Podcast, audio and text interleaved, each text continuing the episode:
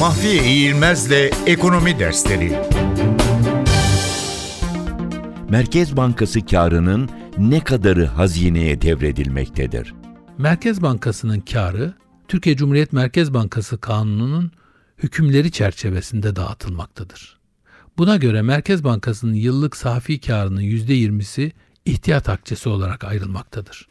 Hisse senetlerinin nominal değerleri üzerinden %6 oranında ilk kar hissesi olarak hissedarlara bir dağıtım yapılmaktadır.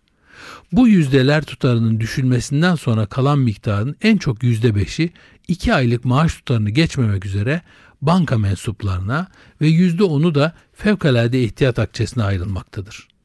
Hisse senetlerinin nominal değerleri üzerinden genel kurul kararıyla en çok %6 oranında ikinci kar payı da hissedarlara dağıtılmakta ve bütün bu dağıtımlardan sonra kalan miktar da hazineye devredilmektedir.